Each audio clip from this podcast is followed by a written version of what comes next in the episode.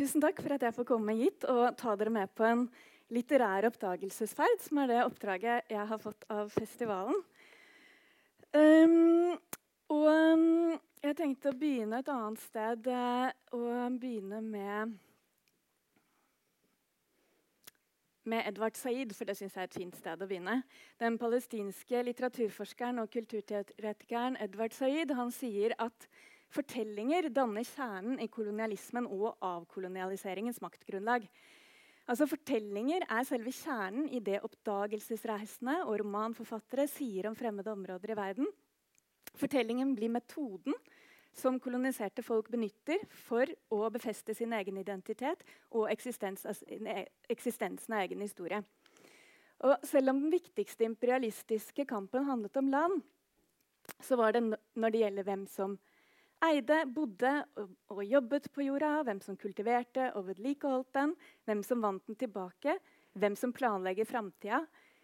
Og alle disse forholdene ble speilet, utfordret eller, påstår da Saeed, til og med på et tidspunkt avgjort gjennom fortellinger. Og da tenker jeg at denne Kampen om fortellingen står ganske sentralt når vi skal da ut på denne litterære oppdagelsesferden. En litterær oppdagelsesferd da kan man jo se for seg at man enten liksom tar tak i fiktive oppdagelsesferder til mer eller mindre fiktive steder som forfattere har eh, skildret. Det skal vi absolutt gjøre. Eller at man liksom drar sammen, dere og jeg, av gårde eh, i et litt ukjent landskap. Noen, noen, av landskapene her er ganske kjente for dere. vil jeg si. Men uansett så trenger vi et slags kart og lenge så har det vært litt sånn at litteraturhistorien, det er en kartet til litteraturvitenskapen eller litteraturhistorien, sånn som i hvert fall jeg har hatt dem, de har lignet ganske mye på det gamle atlaset vi hadde på skolen. Hvor du på en måte har eh, Sør-Norge på ett oppslag, og så har du liksom resten av Norge på neste oppslag. Så har du Vest-Europa for ett. ikke sant? Så Fire sider Norge, to sider Europa. Vest-Europa gjerne. Og så har du én side, og der skal hele Afrika inn. Eh, og man kan skjønne det. liksom. Du kan skjønne at det, er det nære, det lokale, det er der vi oppholder oss mest. Hverdagen vår har vi der. Og vi begynner der, og, og så beveger vi oss videre. Men det er også et eller annet med at det perspektivet gjør at det store mister litt verdi, og det nære eh, kan bli litt eh, trangt, kanskje. Eller litt for mye. Og det jeg tenker da, er at det, det produserer et slags perspektiv på verden som i hvert fall det er på tide å prøve å se utover. da. Altså, Alle skolebarna sier vi har ingen planet B. Hvis vi prøver å se hele planeten sånn, så ser vi liksom dette er sammenvevde steder. dette her. Og Da kan vi jo kanskje begynne der. og så hva hvis vi ser for oss hele planeten, da, og så zoomer vi inn på litteraturen? Eh, man kan ta havene. ikke sant? Og så til slutt så finner vi tilbake til oss selv til Det Norske, til Litteraturhuset i Bergen. Det gjør vi da. Uh, og liksom For å knytte an til dette temaet til festivalen, så er jo det hverdag. Og hverdagen vår er veldig påvirket av transkontinental kontakt. Og det syns jeg da at også litteraturen, litteraturhistorien, eh, må være. Og Derfor så har jeg da denne boka slår jeg slag for å lese mer av det såkalte globale sørs litteratur, for å også på den måten kunne se det store bildet og se vår egen plassering i det. Um, og I denne boka er det masse teori som, uh, som, underbygger det jeg sier. og det, Hvis dere er kjempeinteressert, så kan dere kjøpe den boken. og så kan dere lese den teorien. Men jeg skal ikke dra igjen. Dette er ikke et sånt, det er ikke et sånt foredrag. Jeg, ikke, jeg går ikke der. Jeg skal heller gjøre noe litt enklere. Vi har en halvtime. Um, denne kampen da, um, om fortellingen den handler også om, da, om formidlingen av en litteraturhistorie. Og En av de som gjorde ganske mye for formidlingen av afrikansk litteratur på 60- og 70-tallet i Norge, var Yngvar Ustvedt, som ga ut to antologier som var i Bokklubben, som uh, introduserte poesi og prosa til ganske mange norske lesere. Men i forordet til disse bøkene så en av dem så beskriver Yngvar Ustvedta Afrika som stillhetens kontinent. Og han sier, og dette er da et sitat, her befinner menneskene seg fremdeles på det stadium som vår hjemlige myteforsker Moltke Moe kalte det mytiske tenkesettstadiet. Uh, stillheten i Afrika var blitt stille, altså Afrika var blitt stille fordi at uh, altså det fantes ingen afrikanske forfattere før europeerne kom. Uh, afrikanerne sier han, hadde veldig vanskelig for å lære europeiske språk. Og sitat, noen skriftlig litteratur hadde Afrika aldri hatt. Og det er jo ganske absurd på en måte. ikke sant? han sier også at negerkulturens muntlige litteratur fikk et dødsstøt med kolonialiseringen. at Dermed ble det jo stumt selv om de lærte de europeiske språkene, for de mistet hele kulturen sin. da. Eh, så Det er jo liksom én måte denne kampen Hvem er det som kommer til orde? Hva er det vi hører her? En annen variant av den stillheten den ligger liksom nærmere i tid, og, for min del liksom fra 90-tallet, hvor, hvor, jeg begynte på litteraturvitenskap i Oslo, på, på Blindern, i 1994 det herrens år, som vi har hørt mye om uh, fra et sørafrikansk perspektiv. Men da satt vi og leste 'Heart of Darkness', altså 'Mørkets hjerte' av Joseph Conrad i ukevis. Det, det, var introduksjonen på grunnfag. Eh, og vi leste og analyserte i minste detalj, men ingenting av det vi snakket om, handlet om Kongo. Ingenting av det vi snakket om, handlet om kolonialisme. Det var ingen som nevnte at Chinua Achebe da, i 1970, altså ganske mange år tidligere, Eh, hadde kommet med en helt sånn banebrytende kritikk av, av, den romanen. Og det er også en sånn stillhet da, um, som, som uh, kan gjøre seg gjeldende. Her har jeg skrevet at norsk litteraturvitenskap har vært en bakevje. Uh, og da kan man jo si det litt mer diplomatisk, at liksom man kan trenge et mer nyansert blikk på, på lesing av litteratur. For mye har jo virkelig også endret seg. Uh, men nå skal vi jo da på litteratur... Um, en litterær eh, oppdagelsesferd. Og, jeg, og, det er liksom noe med liksom, Hva er det vi skal med dette her? Og da tenker jeg at liksom, okay, Du lærer ikke hvor den fortellingen kommer fra, hva som er appellerende med den, ved å analysere narratologien i 'Heart of Darkness'. Men du kan kanskje skjønne noe av det ved å, å, å, å se på historie eh, og hva et eh, perspektiv gjør. En som har skrevet om reiseskildringer og perspektiv, heter Mary Louise Pratt, som egentlig er en sosialantropolog. Og hun um, snakker om at den kolonialistiske blikket, liksom imperieblikket, som hun snakker om, det dukker opp sammen med opplysningstiden og bygger på det hun kaller en planetær bevissthet. Naturvitenskapen vokser fram, man drar av gårde. Man utforsker verden, kategoriserer den, putter planter inn i, i systemer. Og det som um, all denne aktiviteten fører til, er en viss type blikk og en tro på at man kan kategorisere verden i noen enkle og nette skjemaer.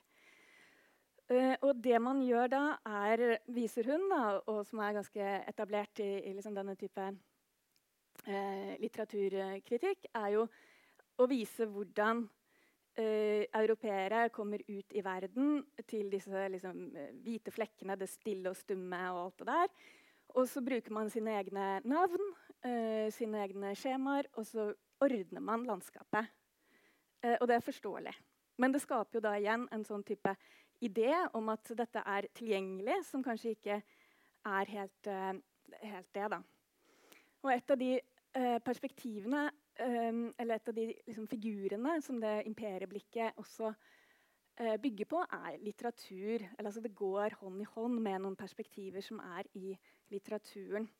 Det narrative utsynet på verden. Og dette her, 'Herre overalt jeg ser' er et sånt eh, perspektiv. Dere kjenner jo igjen sikkert dette, denne scenen. Det er fra Robinson Crusoe. Boken ble 300 år i fjor. Men det er en ekstremt slitesterk fortelling hvis man snakker om kampen om fortellinger, og hvilke fortellinger som vi liksom har med oss når vi skal ut og ordne verden, som på vår litterære oppdagelsesferd. Eh, og denne hersker overalt jeg ser, det kan man finne da i Robinson Crusoe f.eks. Når han da går eh, ut og ser utover denne vidunderlige dalsiden sin eh, på denne øde øya, og betrakter den med en slags hemmelig tilfredshet ved tanken på at alt dette var mitt, at jeg var ubestridelig konge og herre over dette landskapet og hadde eiendomsretten over det. Og dersom jeg kunne skjøte det til meg selv, kunne jeg ha det som arvelodd like fullt og helt som en hvilket som helst godseier i England. Å skue utover landskapet glir rett over i en idé om retten til det, rettighetene til det. Og utover i romanen så er jo dette en slags øde øy, men det dukker jo opp veldig mange forskjellige folk på den øde øya etter hvert. Og Crusoe ser seg selv som en sånn eneveldig herre og lovgiver. Og Det er noe litt absurd her også, og det er også noe av det som på en måte foregår i disse fortellingene. Det er ingen absolutt makt over fortellingene. Det er noe absurd her også. Crusoe går rundt og er eneveldig herre og lovgiver. I filler, i, liksom, med papegøye. Altså, litt sånn Don Quijote på øya si uh, i en liksom, mental forestilling. da. Og Et av de store problemene med det imperieblikket er jo naturligvis at man ordner verden. men Du kan ordne landskapet, du kan ordne plantene, dyrene. Men når du begynner å ordne menneskene, så er det noe annet som dukker opp. Og her er jo da eh, første møte med fredag i Robinson Crusoe, hvor, eh, hvor eh, Robinson eh, kan vi lese med et litt skeivt blikk. Han syns, uh, han syns uh, fredag er rett og slett ganske attraktiv. Han er fullkomment velskapt. Han er pen og tiltalende. Han har sterke lemmer. Han er høy og velfunnet. Altså, han er veldig veldig vakker, uh, denne mannen. Heldigvis, hudfargen var ikke aldeles svart, men med et tydelig brunskjær. Og likevel ikke et slikt stygt gult, kvalmende brunt som hos brasilianerne og virginianerne og andre innfødte i Amerika. Han var grønn. Han var olivenfarget. Det var kjempefint. Uh, og Alt det som er vakkert med, med, Fredag, er jo at han ikke er en svart mann. At han ligner mer på en middelhavsmann eller et eller annet sånt. Noe som, som Defoe Crusoe da tenker er vakkert. Og så kan man jo se også, Her er det veldig mye i den romanen som handler om å bli spist, ikke spist. Altså Fredag blir jo da reddet av Robinson fra kannibaler. Eh, så det er veldig viktig å ikke bli spist, men det er også veldig viktig at Fredag heller ikke er en kannibal. Sånn at... Eh, eh, det står også om velplasserte tenner, vakre, velplasserte tenner som er hvite som elfenbein. Altså, eh, han har ikke skarpe, ekle, haiaktige tenner. Han skal ikke spise Robinson. Og det er fint, men det som også skjer i denne scenen her, er jo at eh, Robinson, nei, Fredag plasserer Robinsons fot oppå hodet sitt og det syns Robinson er veldig fint, for han er en veldig god sosialantropolog. faktisk. Han vet akkurat hva Freda mener med det. Han kan alle kodene. Sånn at når han da gjør dette, så tolker Crusoe dette som at det lot til å være tegnet på at han sverget på å være min slave for alltid. Og det kan man jo kanskje si er å strekke fortolkningen bitte lite grann. Men da blir jo Fredag Crusoes eiendom sammen med øya og alt det andre. Um, og Samtidig så er det jo noe av dette her hvor som jeg sier at det, man kan ikke ha all makt over en fortelling. Uh, det, det, går ikke. Og, uh, og, og, det er jo mye uro i Robinson også. Han går jo rundt og er urolig, denne mannen, uh, i mye. Um, og det er noen sånne spenninger her ikke sant? hvor Crusos går på øya, blir en sånn dårlig kopi av engelsk landbruk. og Papegøyen lærer å, snakke, å si navnet hans, men det er jo også en slags dårlig kopi av et slags fellesskap. sånn det er jo en stor sånn type ensomhet og uro hos Robinson Crusoe som også, også eh, står på spill. Og liksom dette her, makten over fortellingen liksom begynner å bli et sånn tun tunnelsyn da, som man i hvert fall sånn 300 år etter kan, kan uh, se. Men vi kan jo bevege oss litt nærmere vår egen tid og litt nærmere vår egen verdensdel. Eh, fra dette fiktive, mer stillehavsområdet og til eh, Kenya. Og til Karen Blixen, som sikkert mange her har lest. Um, og den som har lest uh, eller ja, enten lest 'Den afrikanske farm' eller sett filmen 'Mitt Afrika', har jo et forhold til denne første setningen. Jeg hadde en farm i Afrika ved foden av bjerget Gong. Her er det en setning som eh, inkarnerer et jeg. Karen Blixens fortelling begynner med 'jeg hadde en farm'. Jeg eide denne farmen. Hun har en avstand til stedet. Dette er i Afrika. Eh, men hun har også en nærhet til stedet. Det er Bjergengong. Det er et sted som hun har intim kjennskap til.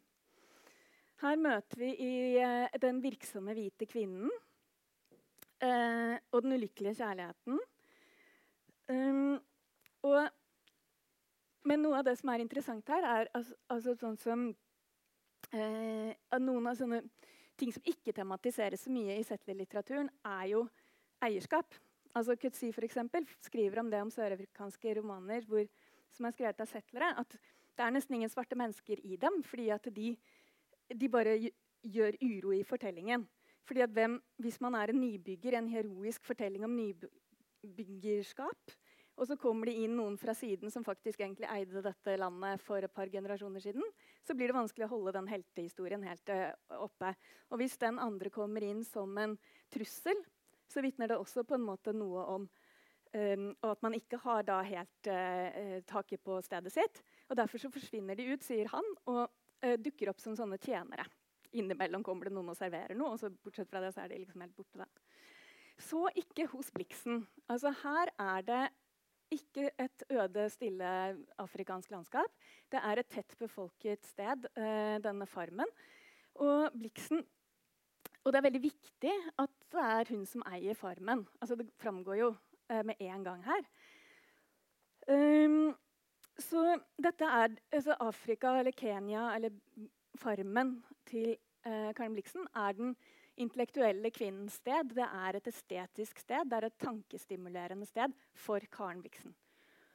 Um, og hun uh, er, uh, nyter på en måte sitt overblikk, og det kan jo bare bli uh, bedre og bedre jo mer utsyn hun får. Altså, den største lykken i, i, den afrikanske farm er når Blixen flyr med sin uh, sin sjelefrende og elsker Dennis Finchatten i småfly over de store sant, savannene og sånn. Og, og, da føler hun seg som Gud.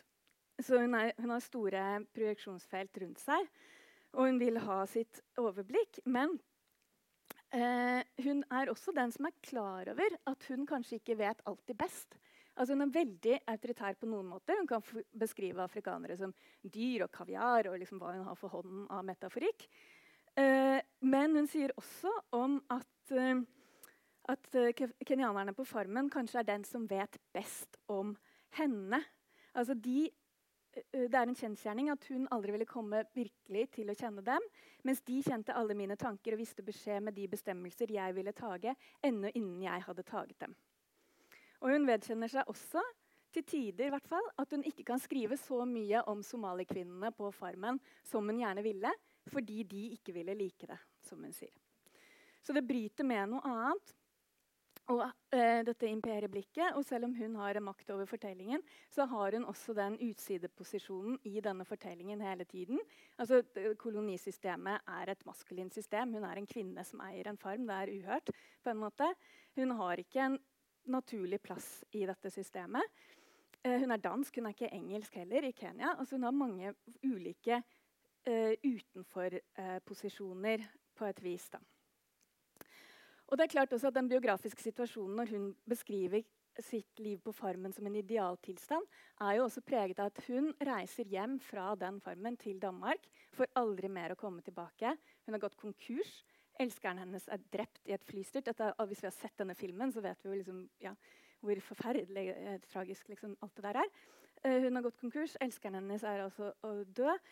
Hun er blitt syk, kronisk syk, og hun reiser hjem eh, til sin mor. Og hun har liksom skrevet at hun ville jo heller dø enn å komme tilbake dit. Og det er her hun sitter og skriver denne fortellingen. Så da skriver hun følgende uh, jeg kan en sang om Afrika, tenkte jeg, om sjiraffene, om den afrikanske nymånen som ligger på ryggen, om plovene i marken og kaffeplukkernes svette ansikter. Kan Afrika også en sang om meg? Dirre luften over sletten noensinne med en farve som jeg har hatt på? Leker børnene en lek hvor i mitt navn forekommer? Kaster fullmånen en skygge over gruset på innkjørselen til huset som ligner min? Ser ørnene på en gang ut etter meg? Og det er vakkert og ensomt og sårt eh, her. Og så har det samtidig liksom den der storheten, noe så megalomant over seg. Blixen Afrika står som sånne likeverdige størrelser, og hun da i ruinen av sitt liv påkaller et svar, at hun har satt et avtrykk på dette eh, stedet. Altså Hun vil også på en måte ha en sang. Hun vil ha en sang om seg av Afrika. Um, og da kan vi også gå liksom, til, til, Jane Coetzee, som har skrevet om disse settler-forfatterne eh, i, i Sør-Afrika, og, si, og si, liksom, kommer inn da 50 år etter og, og, sier noe om denne måten å skrive på. For det han sier, er at uh, under Dette er ikke, så, det er ikke så uvanlig figur, dette er å ønske seg tilsvar fra landskapet. Dette stille, stumme Afrika. Uh, fra disse som jo da på en måte behersker det, kategoriserer det, forteller om det også. Og han sier jo da at uh, under dette så ligger det et spørsmål om språk. Hvilket språk skal de europeiske nybyggerne snakke med landskapet i Afrika. Og her liksom skulle barna synge til, til Blixen på kikuyu, skulle de synge på dansk, eh, engelsk. Hva tenker vi her? Så for Kutsi så er dette en sånn projisering hvor problemet er politisk. Lengselen etter tilsvar er knyttet til en etisk og politisk blokkering, sier han. Og han sier da sant, at De prater i det uendelige om at de elsker Sør-Afrika, mens kjærligheten hele tiden rettes mot det som er minst i stand til å svare. Ørken, fugler, dyr, blomster. Testen kommer om man klarer å bytte ut disse med eh, Bytte ut ordet kjærlighet med brorskap. Ønsker man et brorskap eller ikke? For brorskap kommer sammen med frihet og likhet.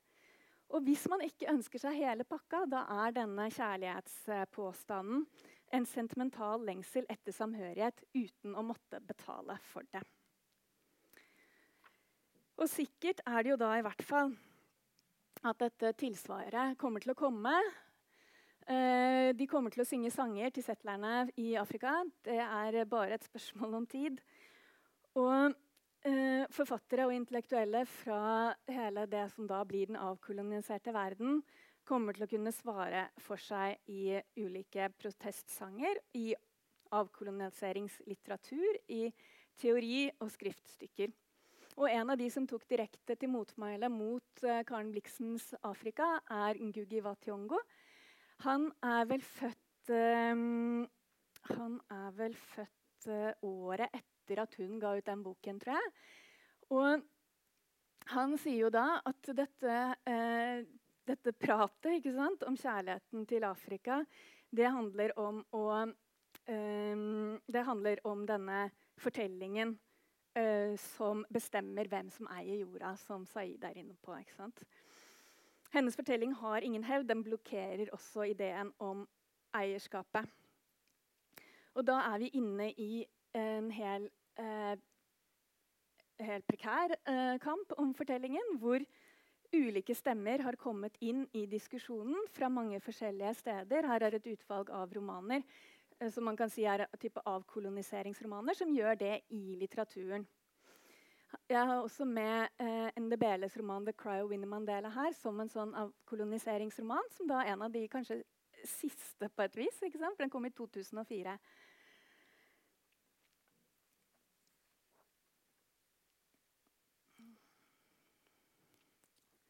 En annen form for tilsvar eller liksom kamp om fortellingen angår jo også hvilke eh, hovedpersoner, hvilke narrativer det er som er blitt, eh, blitt eh, fått gå inn i litteraturhistorien. Den store litteraturhistorien. Og det fins en del romaner som nettopp tar et sånt eh, eh, Gjør et grep. Man bruker en eh, tredjeperson fra en kjent kanonisert roman. Plasserer fortellerblikket liksom der eller i utkanten hvert fall, av en sånn eh, kjent eh, fortelling og problematiserer den i romans form. Og Hvis vi da fortsetter på denne lille vandringen, så kommer vi helt opp til vår egen tid. Her har vi også en Goncourt-prisvinner fra 2015, Kamel Daoud, som kommer fra Algerie, og som da bruker denne romanen med saken til å gå i klinsj med Albert Camus' roman 'Den fremmede'. Um, og hvis man leser i, um, i Gyllendals katalogtekst på, på, nettet, så beskrives denne romanen 'Den fremmede' som den klassiske fortellingen om menneskets fremmedfølelse og dets nederlag over tilfeldighetenes spill. Enkel, krystallklar og lavmælt, men desto sterkere i sin virkning.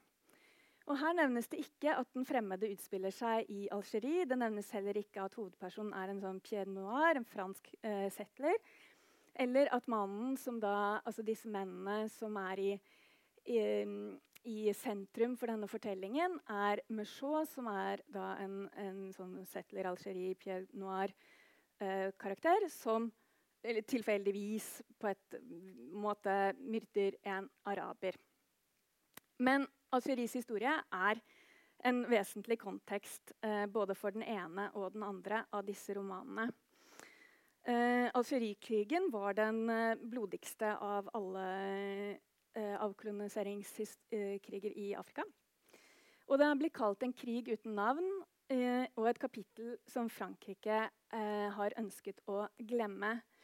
Så Camus er jo en mye mer kontroversiell eh, forfatter i Algerie enn han er i Frankrike og i Norge, tydeligvis. Og, altså, jeg er blitt så gammel at jeg blir sånn superglad når jeg ser at det kommer sånn tilsvar til et, eh, et skriftstykke av Sylfest Lomheim i Aftenposten, hvor han da sier sånn Den franske superforfatteren Camus og liksom, Det er ingenting. Og så kommer det sånn Nei, men jeg har og sett dette, og så er det noen som skriver et lite leserinnlegg, og så blir det sånn Å ja, det var så fint.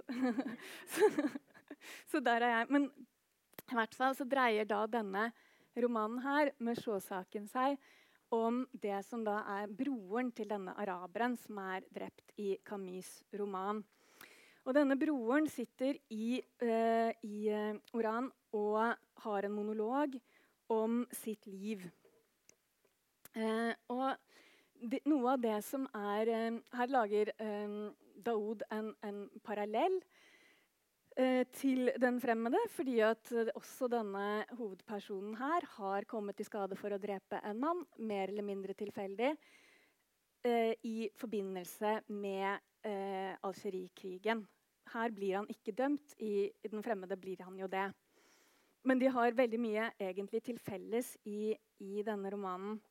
Men det som selvfølgelig eh, Eller det som, eh, det som Eh, skjer her, er at Daoud lager en historie om en roman som heter 'Den andre', hvor araberen som blir drept, aldri får et navn. Og dette her med å få et navn det er veldig veldig sentralt i den romanen. Det handler om å ikke kunne sørge fordi at noen ikke har fått et navn som har eh, både da um, implikasjoner for en litteraturhistorie, hvor man ikke har blitt nevnt, Eh, altså, Hvor liksom perspektivet, imperieblikket, har vært styrende. Og det handler om denne krigen uten navn, som man ønsker skulle bli glemt, og som ikke helt blir glemt. Så, liksom, hvis man går i sånn Freud-spor, så er mislykket, vellykket og mislykket sorg Vellykket sorg er jo at du integrerer et tap, og du kan gå videre. Eh, mislykket sorg er når du ikke kan det, og det er liksom på en måte det som er hele situasjonen her. Denne araberen har ikke fått et navn, han er ikke blitt sørget over. Og Harun sier at forfatteren kunne kalt araberen klokka to, som er klokkeslettet som da han ble myrdet, akkurat som han andre, han som kalte negeren sin for fredag. Et klokkeslett i stedet for en ukedag. Hva gjorde din helt på den stranden, sier han. Ikke bare den dagen, men i det hele tatt. Hva hadde han gjort der i et århundre, for å si det sånn? Samtidig så blir likhetene også mer og mer påfallende mellom de to fortellingene. Fordi uh, Mannen som sitter i Oran, han protesterer på samme måte som Camus gjorde mot de store fortellingene om fedrelandet, om religionen som svaret på alle ting. Uh, I dagens Algerie så er det da en is, um, islamkritikk som er ganske sterk, og som har vært veldig kontroversiell der. Uh, sånn To historier på en endeløs strand. Hvilken er sannhet? Det, sannest? Det blir et personlig spørsmål. Det blir du som bestemmer. Det er omtrent det der vi skal ende opp også nå, etter en halvtime på en litterær oppdagelsesferd. Det blir et personlig spørsmål, og det blir vi som bestemmer. Men vi kan jo f.eks. da tenke at det har litt å si hva det er vi bestemmer oss for hva vi gir et navn, hvilke navn vi skal få lov å ha. Uh, hvem som skal bestemme over fortellingen for oss, og hva vi selv kan gjøre med det. Jeg har jo lært at man alltid skal slutte med et sitat av Nelson Mandela. Uh, og det hadde jo selvfølgelig vært på sin plass i denne konteksten, men jeg syns også dette her er verdt uh, å, å, å, bringe opp. Det er Tony Morrisons, et sitat av Tony Morrison. We die. That may be the meaning of life. But we do language that may be the measure of our lives. Og med det så sier jeg takk for meg.